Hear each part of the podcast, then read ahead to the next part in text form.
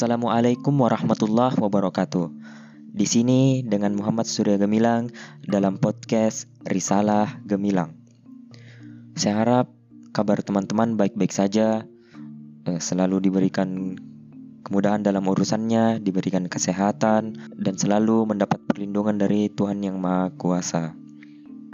Pertama, saya ingin uh, mengucapkan permohonan maaf yang sebesar-besarnya kepada teman-teman sebab sedianya podcast saya ini diposting sesuai jadwal. Namun karena sesuatu dan lain hal akhirnya podcast ini baru selesai sedikit melenceng dari jadwal. Nah, pada podcast saya sebelumnya saya membahas mengenai uh, banyak sedikit banyak mengenai uh, dinamika dari uh, PKI itu sendiri. Nah, untuk podcast saya kali ini berhubung karena isu-isu internasional hari ini lebih diramaikan tentang uh, status perubahan uh, Museum Hagia Sophia di Istanbul menjadi fungsinya sebelumnya menjadi masjid. Akhirnya saya mengangkat uh, tema yang tidak jauh-jauh dari itu, Islam dan dinamika kemajuannya. Sudah tidak dipungkiri lagi teman-teman sekalian bahwa agama Islam merupakan risalah yang sebenar-benarnya merupakan petunjuk dan arahan bagi uh, umat manusia di, di setiap zaman, waktu, dan peradabannya. Awal-awal penyebaran Islam itu dimulai ketika baginda Rasulullah Muhammad SAW diberikan wahyu melalui perantara malaikat Jibril itu pada umur ke-40 tahun. Nah, berlanjut dari dinamika itu, pada fase-fase tersebut Rasulullah mendapat perintah dari Allah Subhanahu wa taala untuk uh, hijrah ke kota Madinah. Karena situasi yang tidak memungkinkan untuk dakwah Rasul di kota Mekah, akhirnya diperintahkan untuk hijrah ke Madinah atau berpindah ke kota Madinah. Nah, nama lain dari Madinah itu sendiri adalah kota Yastrib. Nah, di Madinah Rasul itu mendapatkan tantangan baru, tantangan baru yang sangat sangat dinamis. Mengapa? Karena di Madinah ter, Madinah sendiri itu memiliki banyak sekali suku, banyak sekali uh, kelompok-kelompok masyarakat mulai dari Mizrahim. Teman-teman kalau cari tahu tentang Mizrahim, Mizrahim itu adalah Yahudi Timur Tengah. Mizrahim orang-orang Nasrani dan orang-orang Islam sendiri terkhusus kaum Ansar. Nah, Rasulullah tidak kehabisan akal karena dia merupakan uh, orang yang atau manusia yang cerdas dan memiliki petunjuk langsung dari Allah. Nah, di sinilah dinamika yang mungkin menurut pandangan banyak orang dan banyak ahli merupakan dinamika terobosan paling maju di abad-abad pertengahan. Banyak hal yang bisa kita tinjau dari dinamika sosial Rasulullah di kota Madinah. Kita bisa mulai dari piagam Madinah atau uh, kontrak sosial yang paling awal dan banyak ahli berpendapat bahwa seperti ahli sejarah, ahli sejarah Timur Tengah Hanan Asrawi, kemudian ada ahli sejarah Eropa Montgomery Waite yang mengatakan bahwa ini merupakan salah satu terobosan paling modern dari uh, kehidupan bermasyarakat di abad-abad pertengahan. Kita bisa lihat piagam Madinah, eh, teman-teman tahu banyak ahli yang memberikan nama mulai dari piagam, charter, treaty, agreement, dan sebagainya. Bahkan ada yang menjuluki sebagai konstitusi. Namun saya lebih, uh, saya pribadi, pendapat saya pribadi, saya lebih condong kepada uh, pendapat Profesor Jimli Asidik dan Harun Nasution. Itu uh, dua ahli yang mengemukakan bahwa Piagam Madinah ini nama nama lain nama lainnya adalah As-Sahifah di kota Madinah sendiri atau Yastrib. Nah, Rasulullah pada saat itu eh, memutuskan untuk membina kehidupan masyarakat itu harus dibuat kontrak sosial. Harus dibuat kontrak sosial di mana kontrak sosial ini merunut atau mewadahi setiap hak dan kewajiban dan mengerahkannya untuk menciptakan tatanan masyarakat yang adil. Terlepas dari nama-namanya tadi, ahli juga seperti Montgomery Wade itu menyatakan bahwa Piagam Madinah ini merupakan salah satu konstitusi paling awal dalam sejarah umat manusia. Namun C.F. Strong dalam bukunya Modern Political Modern Constitution ya itulah itu judulnya pernah saya sedikit baca bahwa C.F. C.F. Strong ini dia tidak mengakui Piagam uh, Piagam Madinah sebagai konstitusi tertulis pertama karena saya Sejatinya konstitusi itu tidak ada yang benar-benar tertulis dan tidak ada yang benar-benar tidak tertulis. Semuanya merupakan penggabungan. Namun terlepas dari perdebatan itu, kita melihat bahwa ini merupakan salah satu terobosan paling awal sejarah umat manusia dalam kontrak sosial jauh sebelum Magna Carta di Inggris, ada Bill of Rights dan lanjutannya, Declaration of Independence di Amerika, Declaration of Citoyen di Prancis, Declaration of Human Rights, dan sebagainya. Dan karena ini merupakan salah satu terobosan paling awal saya banyak kagum dengan terobosan-terobosan yang dilakukan Rasulullah. Kalau kita lihat dalam bukunya Prof. Jim Lee uh, judulnya Tata Negara. Teman-teman bisa buka halaman ya 84 sampai 88 di situ membahas lengkap mengenai As-Sahifa ini atau Piagam Madinah. Pasalnya itu lebih kurang ada 47 pasal yang mengatur mengenai keseimbangan hak dan kewajiban dari setiap masyarakat yang hidup di dalam kota Madinah. Ada kebebasan beragama, ada hubungan antar kelompok, ada kewajiban mempertahankan kesatuan hidup dan banyak lagi. Terdiri dari 47 pasal dan kalau menurut penjabarannya Dr. Nikmatul Huda dalam bukunya Ilmu Negara itu uh, menyebarkan ada 13 kelompok yang melakukan perjanjian di dalam piagam Madinah. Seperti yang disebutkan tadi, ada kaum muslimin terbagi dua, ada muhajirin dan ansar, ada orang-orang Mizrahim dari suku-suku Yahudi Timur Tengah, kemudian ada ada orang ada orang-orang Nasrani dan sebagainya. Dan ini merupakan salah satu terobosan paling maju dan paling mutakhir dalam bidang pengaturan kehidupan bermasyarakat dan kontrak sosial. Banyak ahli mengatakan bahwa hal ini merupakan suatu keniscayaan ya, karena pada zaman abad pertengahan itu sama sekali manusia tidak pernah memiliki referensi apa pun dalam membangun kontrak sosial. Jauh sebelum kontrak sosial, teori kontrak sosial yang dikemukakan oleh John Locke, Thomas Hobbes, dan sebagainya. Jadi ini sebuah kejutan yang luar biasa ya ketika orang-orang barat mengatakan bahwa agama Islam merupakan agama yang terbelakang, tidak mampu berdinamisasi dengan perubahan zaman, ketinggalan zaman dan sebagainya. Kita perlu membedah terlebih jauh lagi. Jadi jangan hanya mendasarkan penafsiran itu atas satu aspek saja. Itu tadi dari segi aspek konstitusi. Selanjutnya dari aspek hukum. Ah, ini yang menarik ini. Dari aspek hukum bagaimana Rasulullah itu betul-betul merupakan seorang kalau abad sekarang kita bisa bilang cendikiawan ya, seorang cendikiawan. Sebab saya baru tahu setelah saya membaca buku teori hukum pidana. Nah, di buku teori hukum pidana satu, karena kita menganut sampai hari ini kita menganut renca, uh, kitab undang-undang hukum pidana, dalam hukum pidana sendiri itu uh, terdapat teori ya. Teori ini menjabarkan mengenai niat seseorang Bunyinya kira-kira begini. Bahasa Belandanya itu actus non facit reus nisi mensit rea. Bahasa Inggrisnya an action doesn't make a people guilty unless his mind is guilty. Maknanya kira-kira begini. Seseorang tidak bisa difonis bersalah sampai kita tahu motif dibaliknya itu. Motif secara tidak langsung menggambarkan niat. Asal teman-teman tahu saja, asas ini itu baru dikemukakan pada tahun 1800-an oleh hukum Belanda sendiri.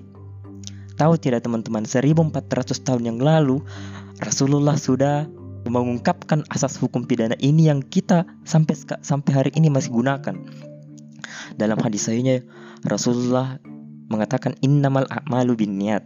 Sesungguhnya segala sesuatu itu bermula dari niat. Berangkat dari hadis ini, saya teringat asas hukum tadi bahwa sebenarnya asas hukum niat ini dari hukum pidana itu 1400 tahun yang lalu Rasulullah sudah jabarkan dan sampaikan kepada sahabat-sahabat yang lain. Bukankah ini sesuatu yang luar biasa? Ketika abad pertengahan masih diwarnai dengan peperangan antar suku, peperangan antar uh, tribal group ya. Kalau di tempat-tempat tertentu peperangan antar kelompok-kelompok mayoritas yang ingin menaklukkan kelompok lain. Di satu sisi Rasulullah sudah menyampaikan sebuah asas hukum modern yang disampaikan dengan sangat sederhana dan mampu diterapkan oleh para sahabat-sahabat. Jadi kita tidak boleh vonis seseorang, kita tidak boleh melakukan penilaian sampai kita tahu motifnya apa, sampai kita tahu bagaimana sih motif dibalik orang ini melakukan suatu uh, perlakuan misalnya atau niatnya secara tidak langsung. Nah, itu dari segi hukum. Kemudian dari segi demokrasi. Ada yang beranggapan bahwa demokrasi bertolak belakang dengan Islam. Dari kelompok-kelompok ekstremis sayap kiri maupun sayap kanan itu uh, menggambarkan bahwa Islam tidak mampu berdinamika dengan demokrasi. Islam itu tidak sesuai dengan demokrasi. Siapa bilang? Buktinya banyak. Buktinya banyak. Di zaman Rasulullah selepas Rasulullah wafat ini terjadi simpang siur ya di kalangan masyarakat eh, sahabat-sahabat Rasul, terutama di kaum Ansar dan kaum Muhajirin. Mereka agak kebingungan bahwa karena Rasulullah telah wafat tidak ada penerus. Nah, pada saat itulah pada momen-momen itu muncullah asas demokrasi pertama, perwakilan. Karena perwakilan kita tahu bersama merupakan salah satu uh, asas demokrasi ya. Ketika Rasulullah wafat itu kaum Ansar dan kaum Muhajirin itu melakukan pertemuan untuk merundingkan, memusyawarahkan siapa yang akan melanjutkan uh, estafet kepemimpinan ummah atau yang biasa disebut sebagai khalifah Nah, dari hasil kesepakatan dan musyawarah itu, kaum Ansar dan kaum Muhajirin bersepakat untuk memilih Khalifah Abu Bakar As-Siddiq, salah satu sahabat terdekat Rasulullah. Nah, asas ini, asas perwakilan yang di, dicontohkan oleh para sahabat Nabi melalui kaum Ansar dan kaum Muhajirin merupakan kalau dianalisis salah satu pendapatnya Prof Mahfud merupakan sudah mengga, sudah menggambarkan teori teori demokrasi modern Walaupun walaupun di zaman Yunani demokrasi sudah digambarkan, tapi itu demokrasi yang masih sangat sebatas tradisional sebab kita kenal di demokrasi Yunani di, mengenai polis. Polis ini sebag, eh, seperti negara kota ya. Negara tapi batas-batasnya itu hanya seperti kota. Pada zaman Yunani kuno demokrasi eh, digambarkan itu sangat gamblang ketika pemimpin kota mengumpulkan orang-orang di amphitheater. Teman-teman, kalau sekarang amphitheater itu ruang terbuka yang bisa ditempati orang untuk berkumpul dalam jumlah banyak. Lalu kemudian pemimpin tersebut mengemukakan maksudnya dan kemudian warga-warga kota menanggapinya satu persatu. Eh, demokrasi yang tradisional ini sebenarnya tidak bisa dilaksanakan secara modern sebab mengingat wilayah yang luas tidak mungkinlah suatu pemimpin mengumpulkan orang-orang dari semua penduduk penduduk wilayah tersebut yang luas. Hal ini hal ini hanya berlaku untuk Yunani sendiri yang merupakan eh, pada saat itu masih berbentuk polis atau negara kota.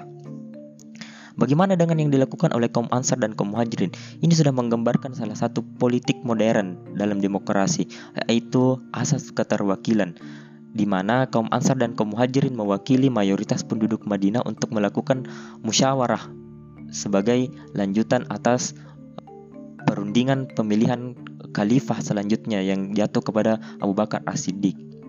Dan ini sudah diterapkan mirip-mirip ya seperti DPR hari ini. Di DPR kan kalau eh, teman-teman bisa amati dalam pemilihan itu ada daerah dapil, misalnya dapil Sulawesi Selatan ada calonnya ini. Begitulah sekiranya apa yang diperhatikan Rasulullah sebelumnya. Teman-teman bisa uh, membuka juga memonya salah satu uh, cendikiawan Abdullah Safi. Dia mengatakan bahwa kemajuan Islam tidak bisa dicapai tanpa didikan dan arahan dari Rasulullah sendiri. Itu dari segi demokrasi. Nah, bagaimana dari segi yang lain? Ada salah uh, kita bisa melihat lagi dari segi hukum internasional. Dalam hukum internasional, kita kenal dengan Convention of Geneva 1945 sampai 48. Apa isi dari konvensi Jenewa ini? Satu hal yang pokok pada sebuah, pada saat sebuah atau dua buah negara berperang, tentaranya tidak boleh membunuh masyarakat sipil, tidak boleh merusak bangunan masyarakat sipil, tidak boleh menghancurkan atau merusak rumah ibadah di mana di dalamnya disembah atau disebut nama Tuhan, tidak boleh merusak tanam-tanaman, tidak boleh merusak atau membunuh hewan-hewan, tidak boleh mengganggu ketenangan penduduk suatu kota.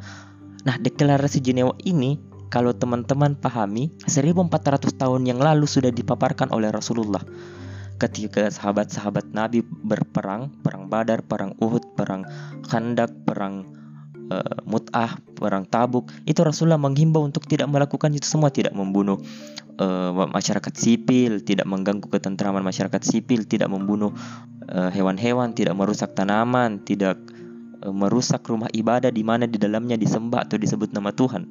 1400 tahun yang lalu Rasulullah sudah menyatakan itu. Mana buktinya bahwa sahabat melaksanakan perintah Rasulullah untuk tidak melakukan atau tidak melanggar semua ketentuan tadi. Dalam uh, hukum internasional diketahui suatu asas yang disebut asas uh, Pacta sunt servandan. Apa itu pak, asas Pacta sunt servandan yaitu asas untuk suatu komunitas yang telah ditetapkan perjanjian atasnya itu tidak boleh melanggar atau secara tidak langsung harus menghormati asas-asas tersebut. Nah, mana contohnya? Kita bisa lihat ya, teman-teman. Teman-teman membuka artikel terkait dengan gereja Saint Catherine. Gereja Saint Catherine ini merupakan salah satu gereja yang terletak di e, daratan Sinai. Kalau teman-teman cari tahu daratan Sinai itu berada di sebelah timur dari terusan Suez yang ada di Mesir. Nah, gereja Saint Catherine ini sudah me merupakan jalur tetap dari para musafir padang gurun yang ini melakukan penjelajahan dari samud uh, dari wilayah Arab ke wilayah Mesir.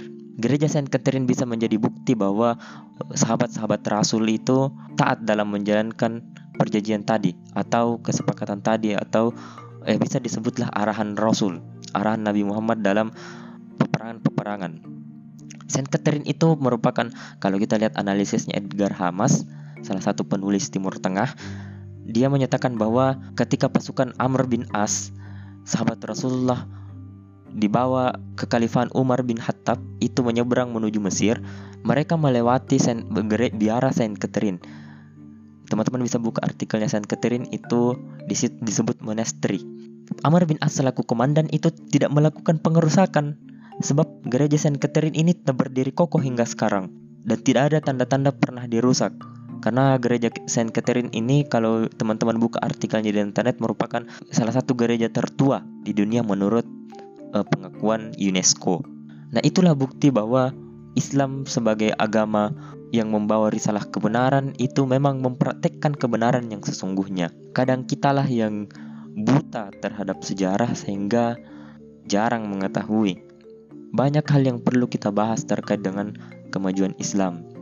Nah, bagaimana dengan abad-abad selanjutnya? Abad-abad selanjutnya ditandai dengan perubahan luar biasa. 400 tahun awal penyebaran Islam di Jazirah Arab itu wilayah Islam sudah mencapai jauh sekali di, di wilayah barat. Di wilayah barat kita bisa lihat berbatasan langsung dengan Samudra Atlantik ketika eh, pasukan Tarik bin Ziyad dibawa ke Khalifahan Umayyah berhasil menyeberangi Al-Maghrib. Teman-teman kalau cari tahu al-maghrib itu apa sama dengan eh, pemisah laut ya selat antara Afrika Utara dan Spanyol disebut al-maghrib atau sekarang disebut selat Gibraltar selain daripada itu dinamika yang dihasilkan oleh Islam sebagai risalah kebenaran itu tidak akan terlepas hingga hari ini. Contoh-contoh tadi banyak, dan kita mampu mencari tahu jauh lebih banyak lagi. Penyebaran Islam selanjutnya kita bisa lihat di zaman Umayyah, Abbasiyah, Fatimiyah, Ayubiyah, Kesultanan Seljuk, Kesultanan Mamluk, dan dinasti Turki Utsmani. Jadi silakan teman-teman lebih banyak lagi mentadaburi sejarah.